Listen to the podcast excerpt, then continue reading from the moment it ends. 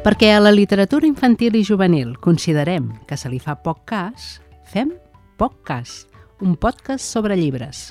Cada 15 dies compartirem amb vosaltres lectures de tota mena d'estils, de gèneres, de gustos, però no parlarem de llibres fórmules, ni de modes, ni d'edats. Si és literatura, tothom la pot llegir. Volem parlar dels llibres que ens agraden, que ens fan rumiar, que ens fan preguntes i que ens acompanyen. Diuen que llegir és un hàbit solitari, però sabem que millora quan el compartim. I per això som aquí. Som Paula Jarrín, Tina Vallès i Carlota Torrents. Els lectors i lectores creixem amb els llibres, no amb els anys.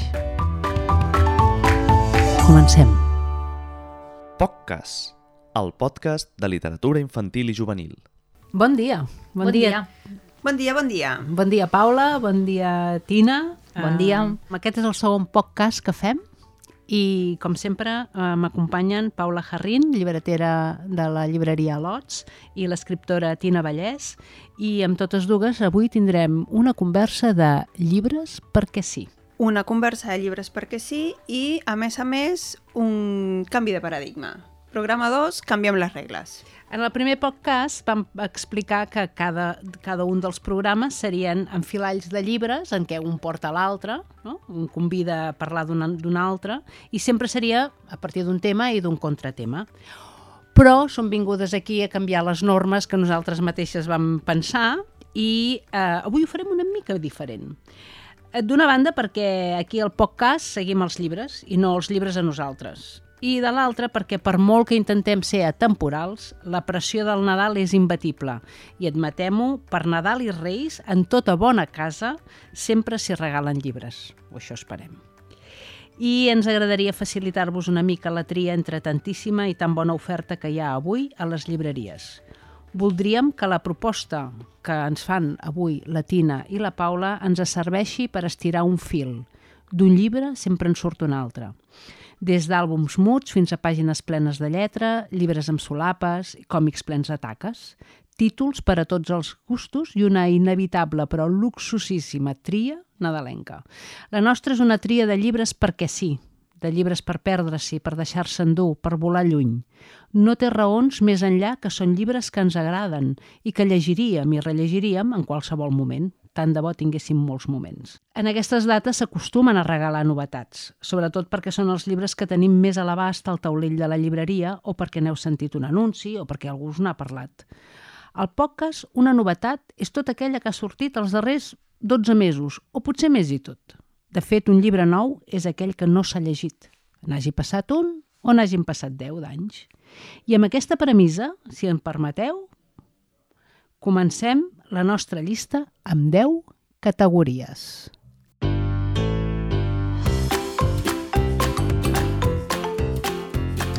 La quota nadalenca.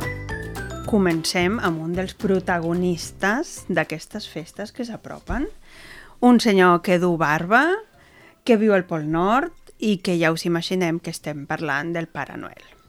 I a més a més de parlar d'ell, ho fem amb un llibre que recupera Blacky Books, del Raymond Briggs, un senyor amb un sentit de l'humor estupendo, i aquest llibre que gairebé està allà entre un àlbum i un còmic segons com ho veiem, ens explica com és un dia de feina del Pare Noel. No és fàcil ser el Pare Noel. A més a més, clar, imagineu-vos, ximeneies, sutxa, mm, condicions per arribar a deixar els regalets que no són senzills i aquest senyor que gasta un mal humor interessant.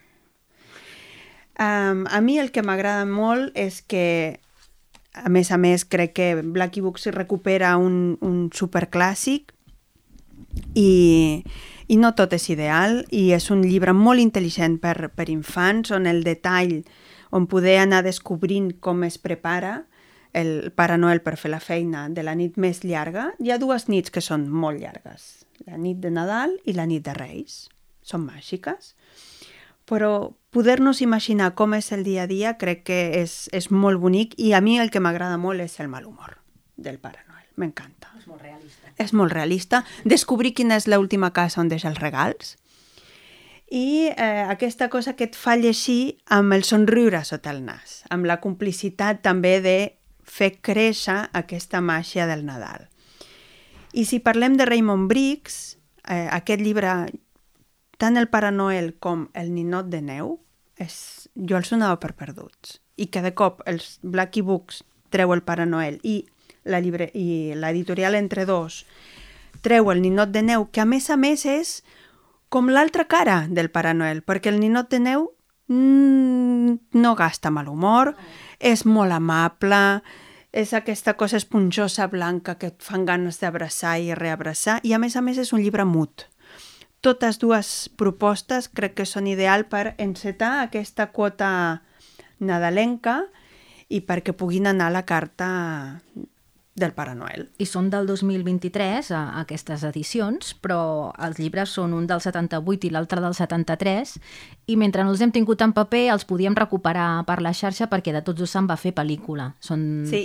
són dos curts molt bonics que recomano molt de veure després de mirar-se els àlbums i, i, anar, i anar comparant fins i tot. I Raymond Briggs també és l'autor de, de When the Wind Blows, quan el, quan el vent bufa, no sé com l'han traduït en català, que és una novel·la infantil també clàssica, i per tant, doncs, si regaleu Briggs aquest Nadal, regaleu segur i cosa el, bona. I el còmic que recupera la vida dels seus pares, Ah, sí. Ethel i Ernest. Sí, sí, sí, sí. També de Black, em sembla. És sí. Blacky, que és també meravellós. Posats a recuperar, eh, jo puc fer la meva carta als Reis. En el primer podcast demanàvem de recuperar un llibre eh, d'edicions de Sale i aquí hi ha un llibre que jo quan era petita m'imagino que hi ha alguns pares que ens escolten, o gent llibreters i bibliotecaris una mica ja grans, que recordaran un llibre que es deia Picoleto, que era un escura ximeneies que era molt pobre, molt pobre, fins que arriba un dia, eh, mentre està eh, fent la xamaneia, topa amb en Pare Noel.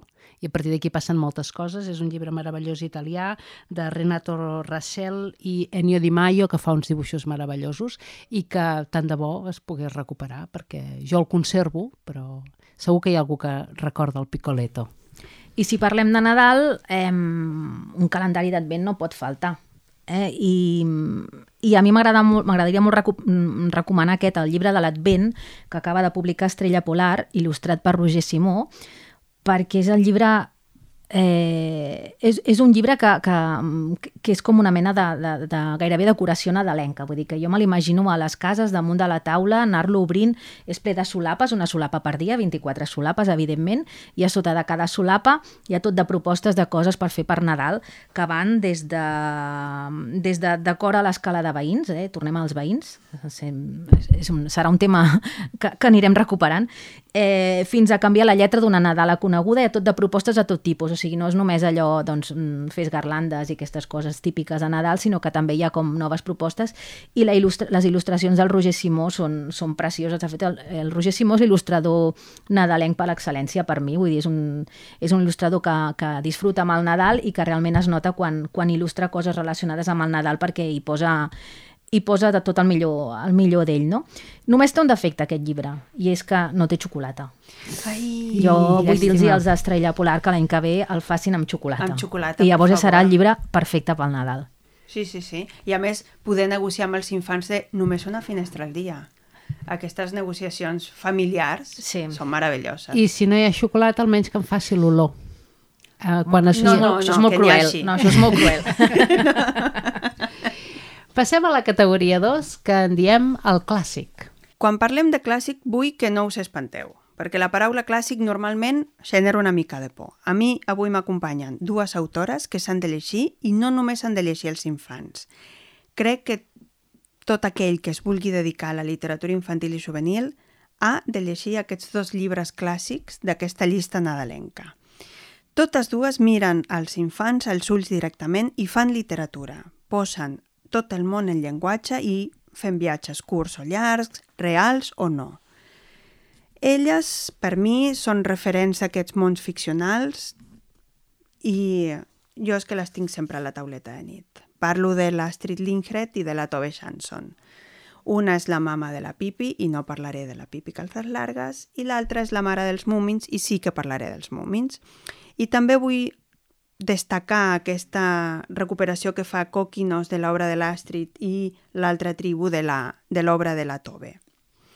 Començo amb un llibre que no és senzill, que ens posa en un lloc que no és fàcil, perquè parlarà de pèrdua, de retrobament, de dolor, i és Els germans Cors del Lleó. A més a més està il·lustrat per la, per la Nomi Villamuza, que fa una, que l'edició sigui absolutament deliciosa.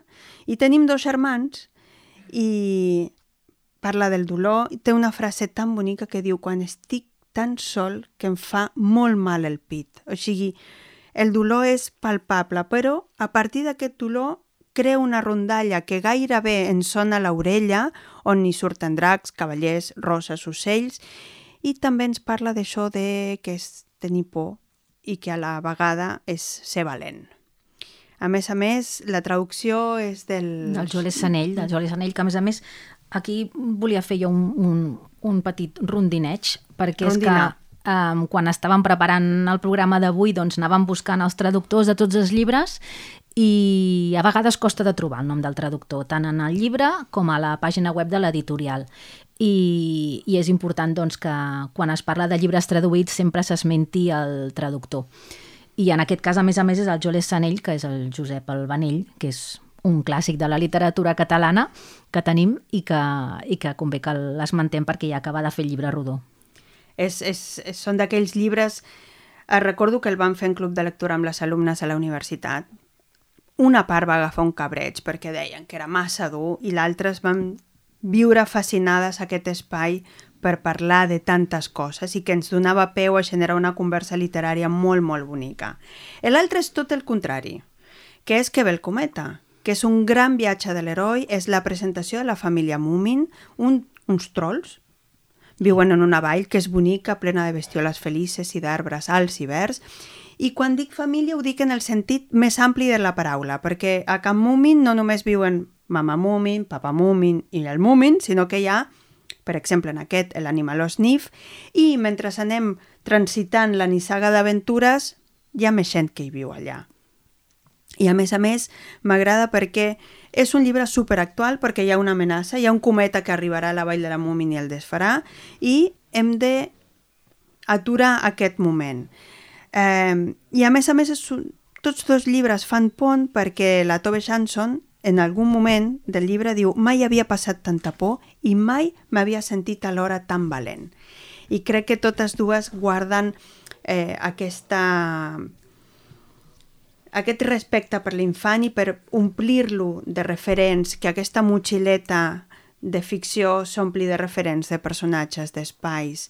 I és clàssic sí i clàssic sí, sisplau. I una cosa que és important, així com parlàvem de la traducció del Solesenell, eh, la traducció de Que ve el cometa és de la Carolina Moreno, que fa una feina absolutament meravellosa. Mm -hmm. Uh, dos clàssics per llegir que venen moltes ganes de fer-ho i continuem amb la nostra llista de categories diverses que podrien ser aquestes o podrien ser unes altres i el número 3 em sembla que és per al gourmet. No sé si de xocolata que parlàvem abans o de torrons. No, un gourmet literari un gourmet literari, porto dos, dos delicatessen que en diuen. Eh, per una banda tinc el llibre de meravelles d'en Pere Ginart publicat per Libros del Zorro Rojo que, com ell diu, és un inventari il·lustrat de gairebé totes les coses vives, mortes i imaginades. Vull dir, ambició ens en sobra. És un llibre on hi ha 101 hi ha làmines il·lustrades, eh, només dibuixades, no pintades. Fa venir ganes de pintar, eh? Fa moltes ganes de pintar, Fa venir sí. ganes de pintar.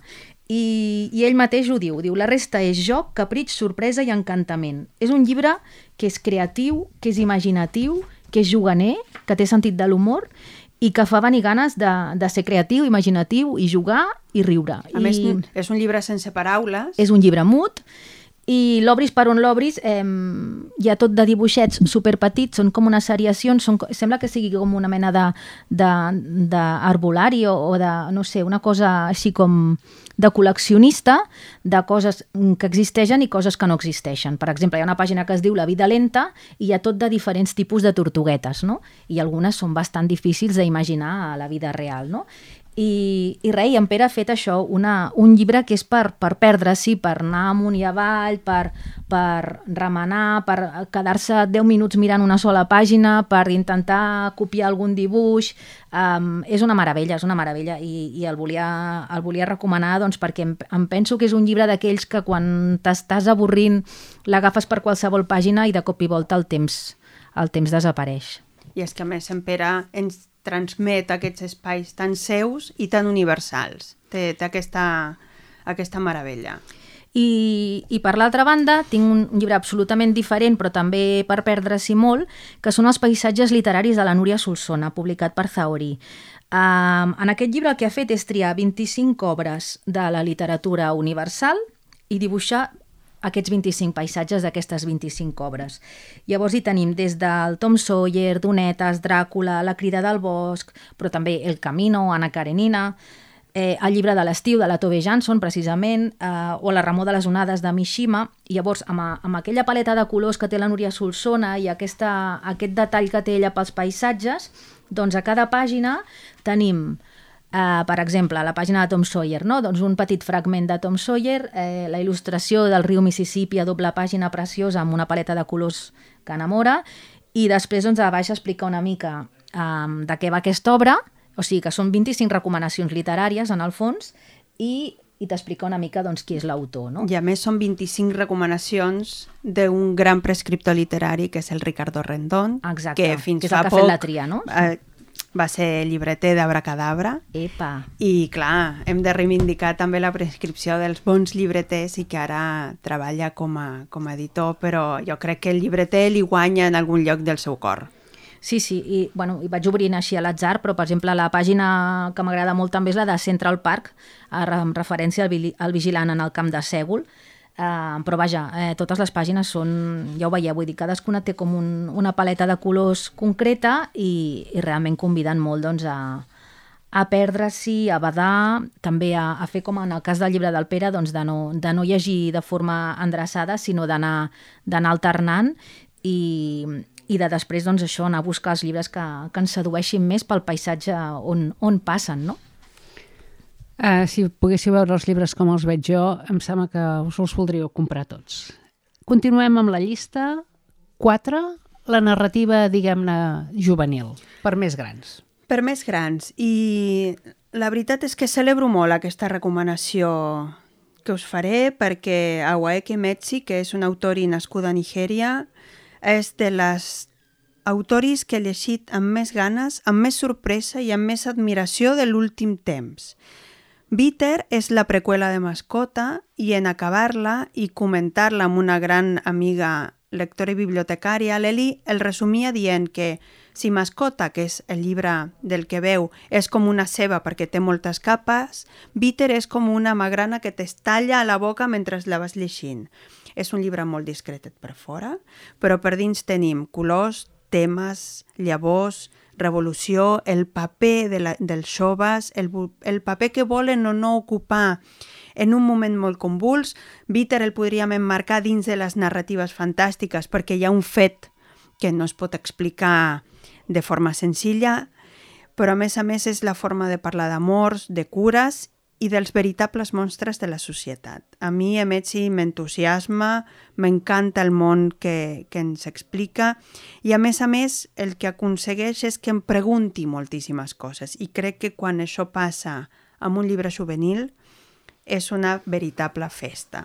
I a més això que deies, no? que és un autor nigeriani, és, és no binària, eh, no binari, perdó, eh, i aquí doncs, eh, volia posar una petita falca per parlar de la guia gramatical del llenguatge no binari, perquè penso que tant Mascota com Bitter, traduïdes per, per Octavi Pujol, Gil Pujol, eh, amb aquest llibre de, que ha sortit ara de la guia gramatical hagués traduït amb més tranquil·litat, no? I, i realment és una eina que, que els traductors doncs, ara tindrem molt a l'abast de la mà i ens serà molt útil perquè cada cop hi ha més personatges eh, no binaris, transgènere, etc etc a la literatura, sobretot a la literatura juvenil, Juvenil. que és la que doncs, està, està entrant més en aquest, en aquest món, no? està més actualitzada que, que cap, i per tant doncs, tenir a l'abast una eina que t'ajudi doncs, a trobar les solucions més adients per cada, per cada context és, és molt important.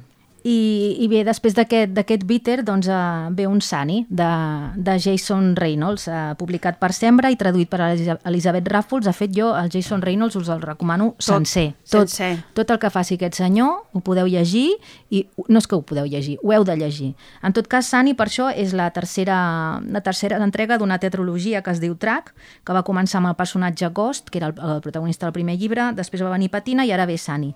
Són uns nens de Nova York eh, que tenen unes realitats bastant complicades a casa i una via d'escapatòria que és l'entrenament eh, d'atletisme. I un professor, bueno, un entrenador d'atletisme una mica peculiar. I, i llavors doncs, cada, cada llibre d'aquests dels quatre que, que ha escrit de la tetralogia està centrat en un personatge i en la seva superació. Però quan parlo de superació, quan parlo d'entorn eh, complicat i tal, en cap moment mm, toca ni de lluny el to aquell autoajuda que a vegades trobem en segons quina literatura per joves. És literatura, literatura, literatura per adults. Jo li tinc molta enveja al Jason Reynolds perquè realment ha aconseguit trobar un to 100% literari per tots els públics però que connecta perfectíssimament amb el públic jove. I el seu llibre que més m'agrada, que no és aquest, és el de Tot per l'aire, que precisament és un exercici literari gairebé a a lo George Perec, o sigui, agafa i són tot de contes, és un llibre de contes per joves, o sigui, de contes que gairebé no en fa ningú eh, no? reculls de contes no n'hi ha. Eh, per joves, vols dir? Per joves, exacte, pensats per ells. No, no sempre és o un conte i és per petits o ja ens n'anem a la novel·la. No? I aquí a tot per l'aire el que fa és, cada conte és, el mateix, és, és la mateixa situació però d'un personatge diferent de tota una classe, d'una escola de Nova York, de suburbi, que a les 3 de la tarda surten de classe i van cap a casa. Llavors, cada personatge, quan surt de classe, fa una cosa diferent, però tots tenen els mateixos deures.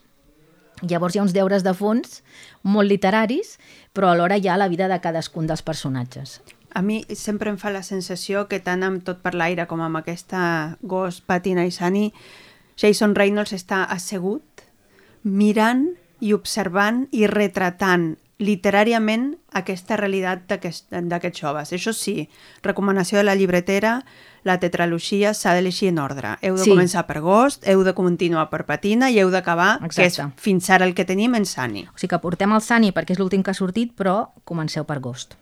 O sigui que passem de l'amargor de Bitter a la Sani, que seria assolellat, assolellat o, o no? és una, un altre llum, per tant eh, passem d'un cantó a l'altre i ara sí anem a l'àlbum, un canvi de registre total eh, amb l'àlbum il·lustrat. Doncs comencem amb la visita. La visita és l'últim Premi Compostela de, per àlbums il·lustrats, el 2023, eh, de la Núria Figueres i l'Anna Font. La Núria Figueres l'ha escrit i l'Anna Font l'ha il·lustrat. I és, és una, una història molt senzilla, però que alhora explica molt bé el tema de la soledat, però per, per, per als més petits. Um, és una guineu que la seva mare li diu surto, me'n vaig, suposo que busca menjar, i no obris a ningú. No? O sigui, les set cabretes i el llop, doncs aquí és la guineu, és la guineu. La guineu també hi ha un moment que la mare ha d'anar a buscar menjar, que potser li portarà una cabreta, no? Però també li diu no obris a ningú, no? I llavors aquesta guineu es queda sola a casa i de cop i volta truquen a la porta i és el silenci. Ha vingut el silenci, és a dir, aquesta guineu està aprenent a estar sola. Llavors heu de veure aquest groc, que es predomina tot el llibre, ho sento, eh, perquè no ho esteu veient, Uh, I heu de veure com l'Anna Font ha decidit dibuixar el silenci, que és aquesta mena d'ésser sense forma, blanc, que només és el perfil, no? i que comença ocupant un espai i a, a mesura que va avançant l'àlbum doncs, um, la, i van parlant amb la guineu, amb la petita guineu, doncs uh, la guineu es va adaptant a aquest silenci i acaba, acaba fent-se amics. O sigui, arriba un moment que quan la mare torna li diu ha vingut el silenci i ens hem fet amics no? una cosa així. Llavors és, és explicar com això, quedar-se sol amb tu mateix i amb els teus pensaments, però amb un àlbum preciós que sembla la història d'una guineu. Ja està. I que a més a més passa tot dins de casa. I passa tot dins de casa, sí. D'aquests detallets. És, és un llibre preciós. Aprendre a estar sol. No, no és fàcil. No. I no, no. les meves protagonistes no estan soles, comencen soles sense desmereixer cap dels llibres que tenim sobre, a la taula, al cap, a la bossa. Personalment, crec que és de, dels millors llibres que jo he llegit eh, aquesta temporada. L'Alfredo Soderguit, a partir d'una idea de la Maria Larisseta, ens explica la història de la Francesca i de l'Antònia. I a més trobo que la, el títol Elabora millora el- l'original que és La cerca. La traducció de la Clara Jubete fa que aquesta elabora ens permeti pensar en vora com això que està al marxa, elabora perquè una està al costat de l'altra. I és això, hi ha una bardissa, una casa i l'altra. I totes dues nenes tenen realitats diferents a banda i banda d'aquesta vora, però que en algun moment compartiran espai, compartiran joc, compartiran infància. Però Sodergit fa no només aquesta narració textual, sinó que la, la narració visual és de matrícula d'honor, en quadres, detalls. Hi ha un detall que m'al·lucina, i és que hi ha una Blancaneus com a xeneta d'un dinosaure. Allà, molt petit, molt petit. I a més a més és la narració de la vida pot ser molt complexa i la infància, que hauria de ser senzilla i llarga, a vegades no ho és tant. I és d'aquells que tingueu uns mocadors de paper a la vora, mai millor dit, perquè és, és una delícia. I com aquestes infàncies a vegades ens separen i a vegades ens tornen a trobar.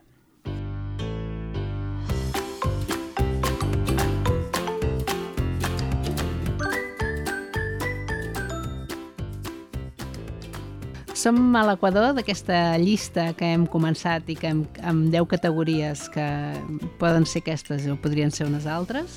Uh, com veieu, anem passant d'un llibre a un altre i d'una data a una altra i totes creiem que les podem llegir, com deia uh, Pep Albanell, el llibre infantil és aquell que també poden llegir els nens i per tant tots aquests llibres il·lustrats i que estem aquí mirant avui són meravellosos i venen, fan venir llegiguera. Eh? M'encanta aquest adjectiu.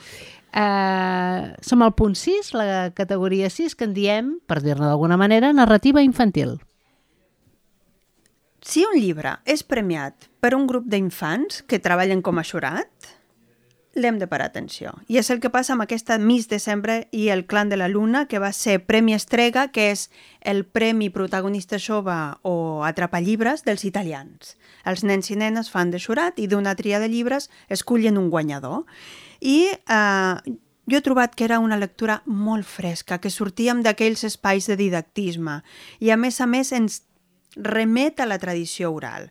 Aquesta nena, que es diu Miss December, és una noieta que és un desastre i que busca feina. I que de què trobarà feina? Pues de mainadera. D'un infant normal? Pues no. Del fill de l'home del sac. Clar, i a més a més, el Corbin, que és el fill de l'home del sac, eh, pot fer-se fum i desaparèixer, i és empipador com ell sol. I a més a més l'home del sac té aquesta feina, de nit marxa perquè ha d'anar a fer feina. Ja sabem quina és la seva feina. Però a més a més tenim com dos llibres a dins del mateix. Hi ha un tall en el mig que passem d'una història com més costumbrista a una gran aventura i una altra vegada, com a la visita, no sortim de dins de casa de l'home del sac. I crec que és d'aquestes recomanacions meravelloses. Doncs jo vinc amb un autor francès que, que aquí adorem, Sí. oi, Paula? En Daniel Molt. Penac, eh, que ara ha fet, un, ha fet una història que és una història com si ja, com si, com si ja s'hagués escrit, no?, d'alguna manera, de tan, de tan clàssica que sona, sona com, com una narració oral gairebé, que es diu L'ull del llop, traduïda per Marta Marfany i amb il·lustracions de François Roca. Que la il·lustració al François Roca és una cosa que no s'aguanta és de bonica. super sobri, però alhora molt, molt detallista, fet com amb llapis, suposo, no ho sé. Um, però bé, és una història que és, mm, ells mateixos ho, ho diuen, no? que és una oda a la natura, però que comença amb una situació molt, molt maca i que, de fet, mm, si miréssim des de fora la història, el que passa eh, durant tot el llibre és un nen assegut davant d'un llop en un zoo mirant-lo fixament als ulls. O sigui, l'acció des de fora és, És aquesta. No hi ha res més. Ara, què passa? Aquest nen, eh, que es diu Àfrica, eh, està en un zoo d'Alaska i aquest llop a dins té tota la seva història. Llavors aquest nen, quan el mira fixament als ulls, dins dels ulls li està veient tot el que ha viscut aquest llop fins a arribar al zoològic. I llavors, doncs, és ells dos explicant-se històries l'un a l'altre. Eh, comencem sabent la història del llop, però després aquest nen, que es diu Àfrica, després veurem per què es diu Àfrica, perquè neix sense nom, és un nen que ha travessat tot l'Àfrica fins a arribar aquí, en aquest zoo d'Alaska, i és un nen que ha sobreviscut explicant històries. O sigui, sempre que s'ha trobat desemparat, la seva moneda de canvi per sobreviure i per aconseguir menjar i aconseguir un lloc on viure ha sigut explicar històries. Llavors, és un, és un llibre preciós eh, per llegir-lo amb veu alta amb els nens, per llegir-lo als adults, és, és, és, és una faula, és una cosa maquíssima. I, I amb aquesta rúbrica PENAC que, I amb, i amb que és un home savi. Sí, però és un estil que no és ell, eh? No, és un no, estil no, no és, no és l'habitual. Molt mesurat, molt... Molt contingut. Molt contingut. Eh, bueno, uh, té ressonàncies, almenys quan has començat, m'ha recordat a la crida del bosc sí, de Jean Claude, sí, sí, sí, per tant, sí, sí, sembla sí, sí. un Sí, homenatge. però som en un zoo, eh? Sí, sí, però la idea del llop, Sí. la vida del llop, no? Que Sí, també però quan aquí, troben aquí els humans el- quedem retratats d'una manera bastant Sí. bèstia també perquè... Pe I pel tracte a tots dos, no Sí, només sí, al sí. llop, sinó també a l'infant. El nen, exacte. M'han quedat ganes abans de fer un apunt sobre el Premi Estrega, que a vegades ens sembla que aquests premis estan molt lluny i que a vegades la nostra literatura, la que fem aquí, no, no a vegades no té prou reconeixement.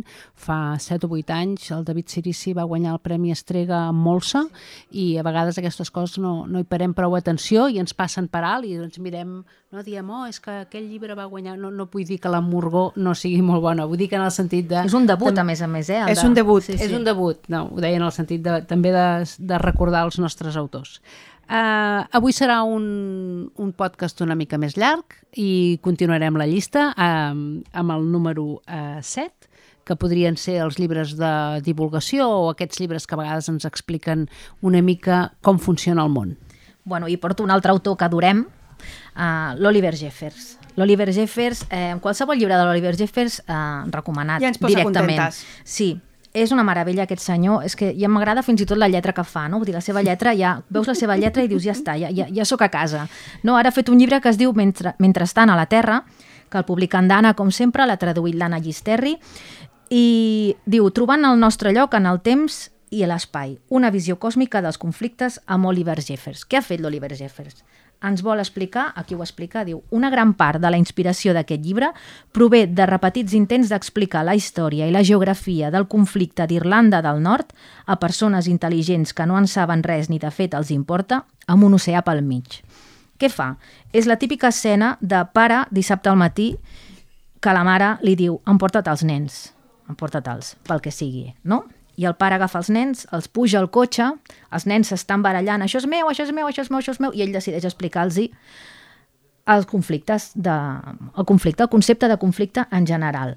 Però com ho fa? Ho fa amb l'espai i el temps. És a dir, viatgem en l'espai des de la Terra fins al planeta més llunyà, que no me'l feu dir, perquè és un tema que a mi em, em, em, em, genera com angoixa gairebé, comencen a parlar de, de, de l'espai i m'ofego.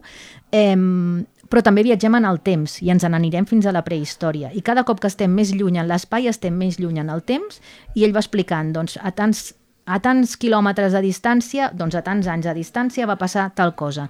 I va explicant tot de conflictes i alhora doncs tenim aquí una mena de, de bueno, allò que fa el Jeffers, no? que fa aquesta mena de gràfics i tal, eh, i la, a les guardes també hi ha informació, o sigui, és un llibre que té coses per tot arreu i per tant aquí volia fer un esment a la correctora, que en aquest cas és la Maria Carbó, perquè aquest llibre és un llibre d'aquells que en maqueta s'ha de revisar, a més a més, clar, el Jeffers quan va fer aquest llibre el va escriure en anglès, però després se li passen tots els textos en català perquè ell faci amb la seva lletra tot i després revisar doncs, que no s'hagi deixat cap accent obert, cap, bueno, i que hagi fet bé tot.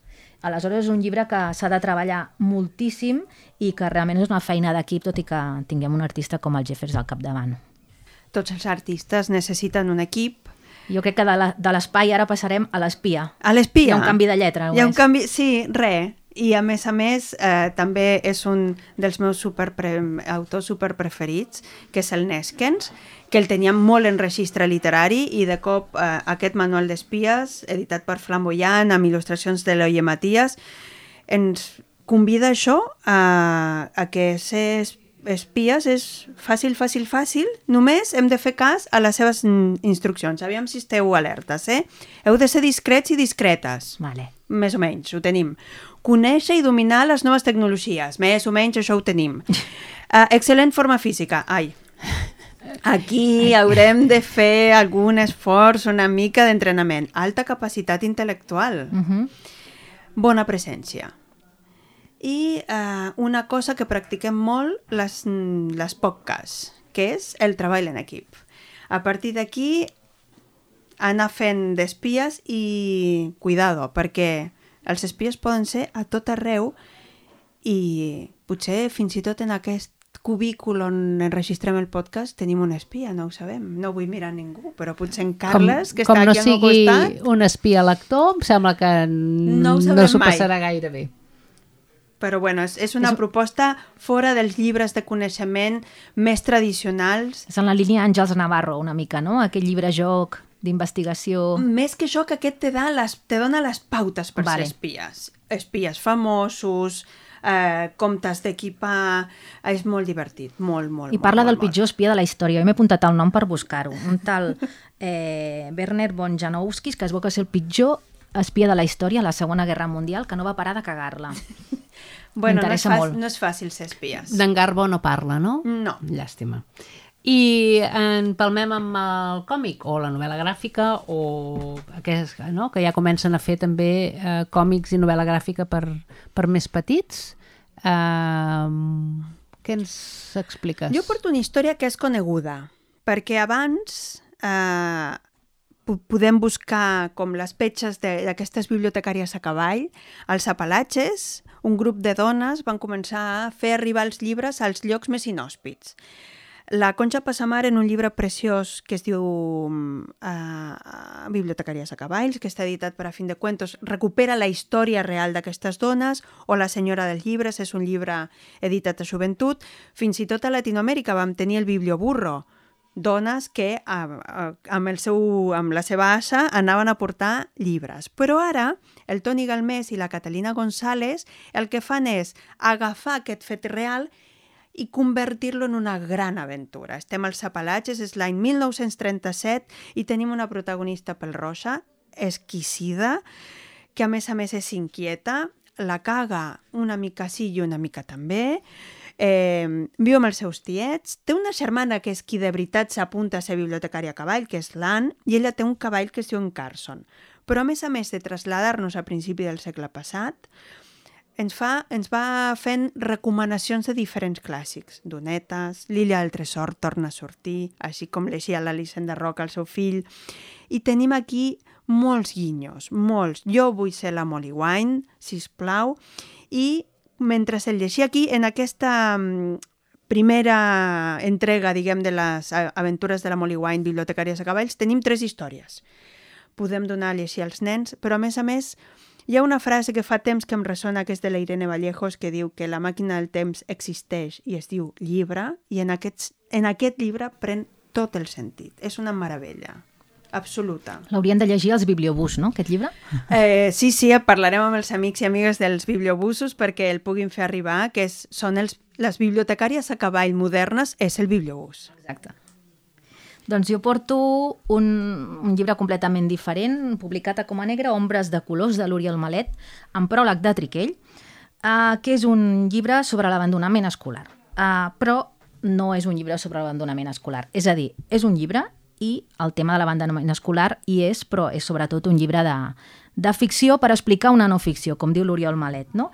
Um, cada any hi ha 97.000 i pico abandonaments escolars a Catalunya i realment és un tema que s'ha de- d'abordar des de molts fronts i abordar-lo des del còmic em sembla un encert i a més amb la, amb la visió i, el pinzell, i els pinzells de, de l'Oriol Malet doncs encara més, perquè ha aconseguit escriure una història de ficció i dibuixar-la eh, on no tens en cap moment la sensació de que t'estan ni allisonant ni dient res, sinó que coneixes doncs, la vida de- d'aquest nen que es diu Cris, d'aquest noi, que no, que no va a l'escola ni fa res, que està palancat, i de fet hi ha com una evolució ar- al llarg del còmic amb els colors, per això es diu també ombres de colors, um, on a mesura doncs, que aquest noi troba la manera de, de ser ell, no? en, en el context de, de l'institut, doncs van, van apareixent els colors fins que de cop i volta tot té color.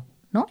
Però no és un final acolorit i ensucrat, sinó que és un final molt realista i a més a més doncs això, amb, amb aquest pròleg de d'Entriquell amb, amb frases bastant, bastant interessants per donar-hi voltes, que m'imagino doncs, a públic adolescent fullejant aquest llibre i connectant per molts punts. Esperem que més de fullejar-lo el mirin amb atenció i si alguns dels que s'hi trobin identificats puguin fer aquest, aquest viatge o aquesta evolució que proposa puguin, puguin l'Oriol. tenir també aquella, aquell espai de fuga o de fugida sí. cap, a, cap a algun lloc a partir de la literatura. I ha l'última frase del pròleg d'Ancestri, de, que ell diu i que aquella ovella que un dia no es va sentir part del ramat pugui, amb prou distància, ser l'ovella que salvi la resta d'ofegar-se. Em sembla bonic, brutal. Brutal brutal.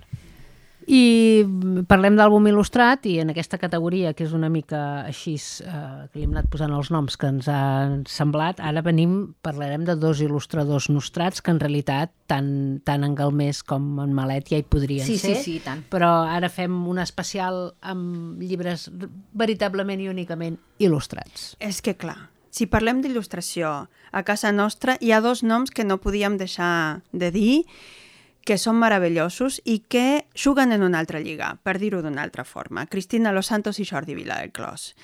Um, um, jo passejo de la mà del Jordi Viladeclos per Barcelona i a més a més és un llibre per primeríssima infància. Una de les coses que fem de amb cartró, els infants... Eh? Cartró, aquells llibrets de cartró. Uh, contem, no?, amb els infants. És I... un llibre per portar el cotxet. Absolutament. I és un llibre per mentre vades per la ciutat de Barcelona, perquè sí, estem parlant de Gaudí top 10, i ningú millor que en Jordi per dibuixar i per il·lustrar Gaudí. El portem al cotxet amb l'infant i, a més a més, anem badant per la ciutat i anem comptant. Contem una casa, una finestra, un balcó, una torre, una casa batlló. I així ho farem fins al número 10 hi ha coses que seran més, més senzilles, d'altres que seran més difícils, però crec que passejar-te de la mà d'en Jordi és de les coses més boniques del món mundial i ho podem fer gràcies a aquest llibre petitíssim però encertadíssim. I jo us porto la Cristina Los Santos amb el seu segon Veig Veig. Va fer un primer Veig Veig que era la ciutat, que lligaria molt bé amb aquest Gaudí. Sí, sí. I ara aquest segon Veig Veig és els oficis. Uh, publicat per Convel, a la Cristina me li donen això, un full ben gran i li diuen dibuixa gent treballant fent coses i ella és la dona més feliç del món i es nota en aquest llibre doncs, que s'ho ha passat molt bé dibuixant. I llavors a cada pàgina doncs, hi ha un munt d'oficis i de gent i és per perdre-s'hi de veritat. Sembla eh, el Wally gairebé, sí, eh? De sí, tant però ple. a més a més nosaltres a la, amb les alumnes d'aquests llibres li diem llibres passejadors, perquè els personatges s'hi passegen per la pàgina i van passant cosetes. Tots es belluguen, passen un munt de coses, pots trobar-hi de tot. Ara acabo de mirar i no ho havia vist mai. Hi ha un Minion aquí, no ho sabia que hi havia un Minion. Clar, perquè has per de exemple. trobar un personatge de cinema. Sí, sí, sí. A cada pàgina? A cada doble pàgina. Ah, va bé, va bé. Així és una Jo- mica Wally, sí, eh? Sí. Jo hi he trobat, jo hi he buscat coses i hi he trobat, per exemple, una llibreria. I hi havia Sí. un autor. I l'autor tenia cua de gent que volia que li signessin els llibres. He vist també una il·lustradora dibuixant, que suposo que és la mateixa Cristina. De fet, surt aquí a la coberta. És la mateixa Cristina. I he vist també un senyor que s'ha dormit llegint, perquè clar, a vegades també passa això. No hi he sabut veure una gent literària, però potser està amagadeta. No, o, no, va, no, o surt corrents. no sortim mai. Senyores corrents sí que n'hi ha. Molt cantant, un, unes tres bessones fent també un gran homenatge a la Roser Capdevila, Sí. Un lladre. Bueno, i això que ja tinc ganes de saber quin serà el tercer, perquè espero que ja li hagin encarregat I un nou veig-veig. Us he de dir que si llegiu en imatge la ciutat, hi ha una història que comença al llibre a la ciutat i que acaba en aquest els oficis. Vale. I aquí ho deixo. I deixes l'espoiler, eh, no farem spoiler. Eh, trobo que són molt bonics tots els llibres, ara perquè els oients no els veuen, però tots els llibres tenen els lloms i les puntes del llibre arrodonides, perquè la gent no s'hi faci mal, és una cosa que cada vegada es fa més, o es procura fer més, um, és molt agradable. Jo, a la part meva d'ofici, ja, ja us dic que és car, que és més car que fer-lo Sí, eh, sí. ben angulós i ben que aquests llibres punxant tindran molta vida. però, però és una cosa que és molt d'agrair, sobretot quan tens petits o quan portes els llibres a la falda, que llavors se't, se't claven. I hem començat amb Nadal i em sembla que acabarem per, amb Nadal també. Ara ja no passem dels, del, del clàssic, que seria el Pare Noel o el, o el tio o això, però sí que ens sembla que per la nit de Nadal hem fet una petita reserva de dos llibres. Exacte, eh, llibres per llegir la nit de Nadal. Jo us porto les cartes de l'Esquirol a la formiga. És un dels meus llibres preferits de, de, de tots. Vull dir, l'he descobert tard, però um, aquest llibre em torna boja. D'Anton Telegen, eh, que és un clàssic, il·lustrat per l'Axel Scheffler, o com es digui, que és l'il·lustrador també de Del la, Grúfal. del Grúfal i, bueno, que tenen tots dos una sensibilitat amb els animals preciosa. És un llibre carregat de sentit de l'humor on tot d'animals s'escriuen cartes entre ells. Hi ha vegades que, per exemple, és una cuca de llum qui escriu la carta i, per tant, l'escriu a les fosques perquè quan escriu no està encès el llum i, per tant, no veu res i, per tant, no s'entén res de la carta. Eh, hi ha vegades que hi ha algun animal que escriu una carta a la carta i llavors parla amb la carta, però la carta va creixent mentre ell escriu la carta. O sigui, hi ha bogeries de tot tipus. Jo us vull llegir només un, una, una carta, i amb això tancaria, que diu així. Diu, benvolguda carta. Soc l'Esquirol, per això, però això ja ho sabies. Escriure't se'm fa estrany, perquè a mesura que escric vas creixent i si torno a començar, de sobte t'has fet molt petita, de manera que no sé mai exactament com ets. Per cert, què vol dir exactament? Tot el llibre... deliciós. Tot el llibre és així, no? Doncs, per exemple, hi ha un elefant que li diu amb un, amb un cargol a mi un dia m'agradaria dormir, ai, ballar, perdó, ballar damunt de casa teva. I el cargol diu, un dia, un dia, no? I llavors hi ha tot de jocs així um, i la veritat és que és un llibre, doncs això, per anar-lo anar fullejant i llegint, s'ha de llegir per ordre, això sí, perquè sí. també hi ha una narració, però les cartes són totes en cursiva, les vas trobant i és molt divertit, no? Elefant, on t'has perdut? L'esquirol. Esquirol, en un arbre, l'elefant. Elefant, espera't, ara vinc, l'esquirol. O sigui, hi ha tot de jocs d'aquests, um, o algun, per exemple, hi ha un moment que un està escrivint una, una carta a la formiga i no sap com adreçar-s'hi, si benvolguda, si estimada, si tal. Llavors anem esborrant la carta i tornant a començar. Bé, és molt divertit. Són aquests llibres que podríem llegir en veu alta durant una nit, menys d'una nit. I parlant d'animalons, jo porto una història de l'Eulàlia Canal, que està editat per Vindy Books, que és aquest té de maduixa al cau del teixó. És un grupet d'animals que han perdut alguna cosa. Uh, L'os ha perdut les ulleres, el teixó ha perdut la son i el llop ha perdut les claus. I a més a més tenim un esquirol, que li han dit que en algun lloc hi ha una vaca que és molt feliç. I aquest esquirol vol ser molt feliç i vol saber què és això de la felicitat. Com bons amics li diuen, ves, surt fora, dona la volta al món, troba la vaca i ja ens tornaràs a explicar. I és aquesta anades i tornades de l'esquirol i l'espera pacient dels altres i aniran recuperant la son, les ulleres i les claus. Però a mi el que m'agrada és aquesta cosa que a vegades al primer intent no s'aconsegueixen les coses, no, no tot és senzill i fàcil, però com un espai es pot tornar aquests espais segurs on anem a explicar tot allò viscut als amics i a més a més ho fem tot gaudint d'un té de maduixa. Una delícia per acabar aquesta supertria de Nadal. Aquest llibre d'aquí uns anys el posarem a la secció clàssics. Absolutament, absolutament. I fins aquí aquesta llarga llista, eh, llarga llista que més esperem que us suggereixin més llibres, que a partir d'alguns dels que hem parlat avui en descobriu d'altres, perquè tot llibre porta amb un altre.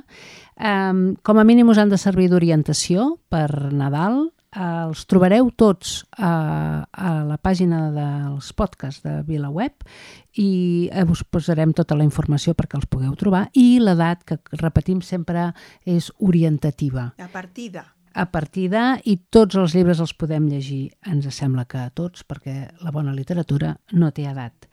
Um, podeu penjar-vos aquesta llista amb un imant a la nevera i anar-la fent. No és una, és una llista No temporal. caduca, no caduca. No caduca i eh, podeu fer uh, aquests llibres perquè sí, uh, perquè ens venen de gust, perquè ens, els trobem bonics.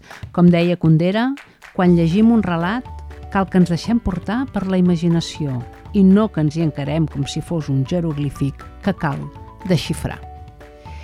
Moltes gràcies, Tina, uh, Paula. Gràcies a tu, a, A tu. vosaltres. Per avui em sembla que ja han fet prou poc cas. Uh, aquest programa recordo que es fa gràcies a Carles Garcia, que està en el control tècnic, en Xavi Simó, que ens va fer el logo, i el suport de VilaWeb, que ens acull a casa seva. Tornem aviat. Teniu llista de llibres per anar fent. Recordeu que trobareu tots els llibres que us hem parlat avui a la web de VilaWeb i, mentrestant, llegiu i creixeu i feu-nos una mica de poc cas. Gràcies per escoltar-nos.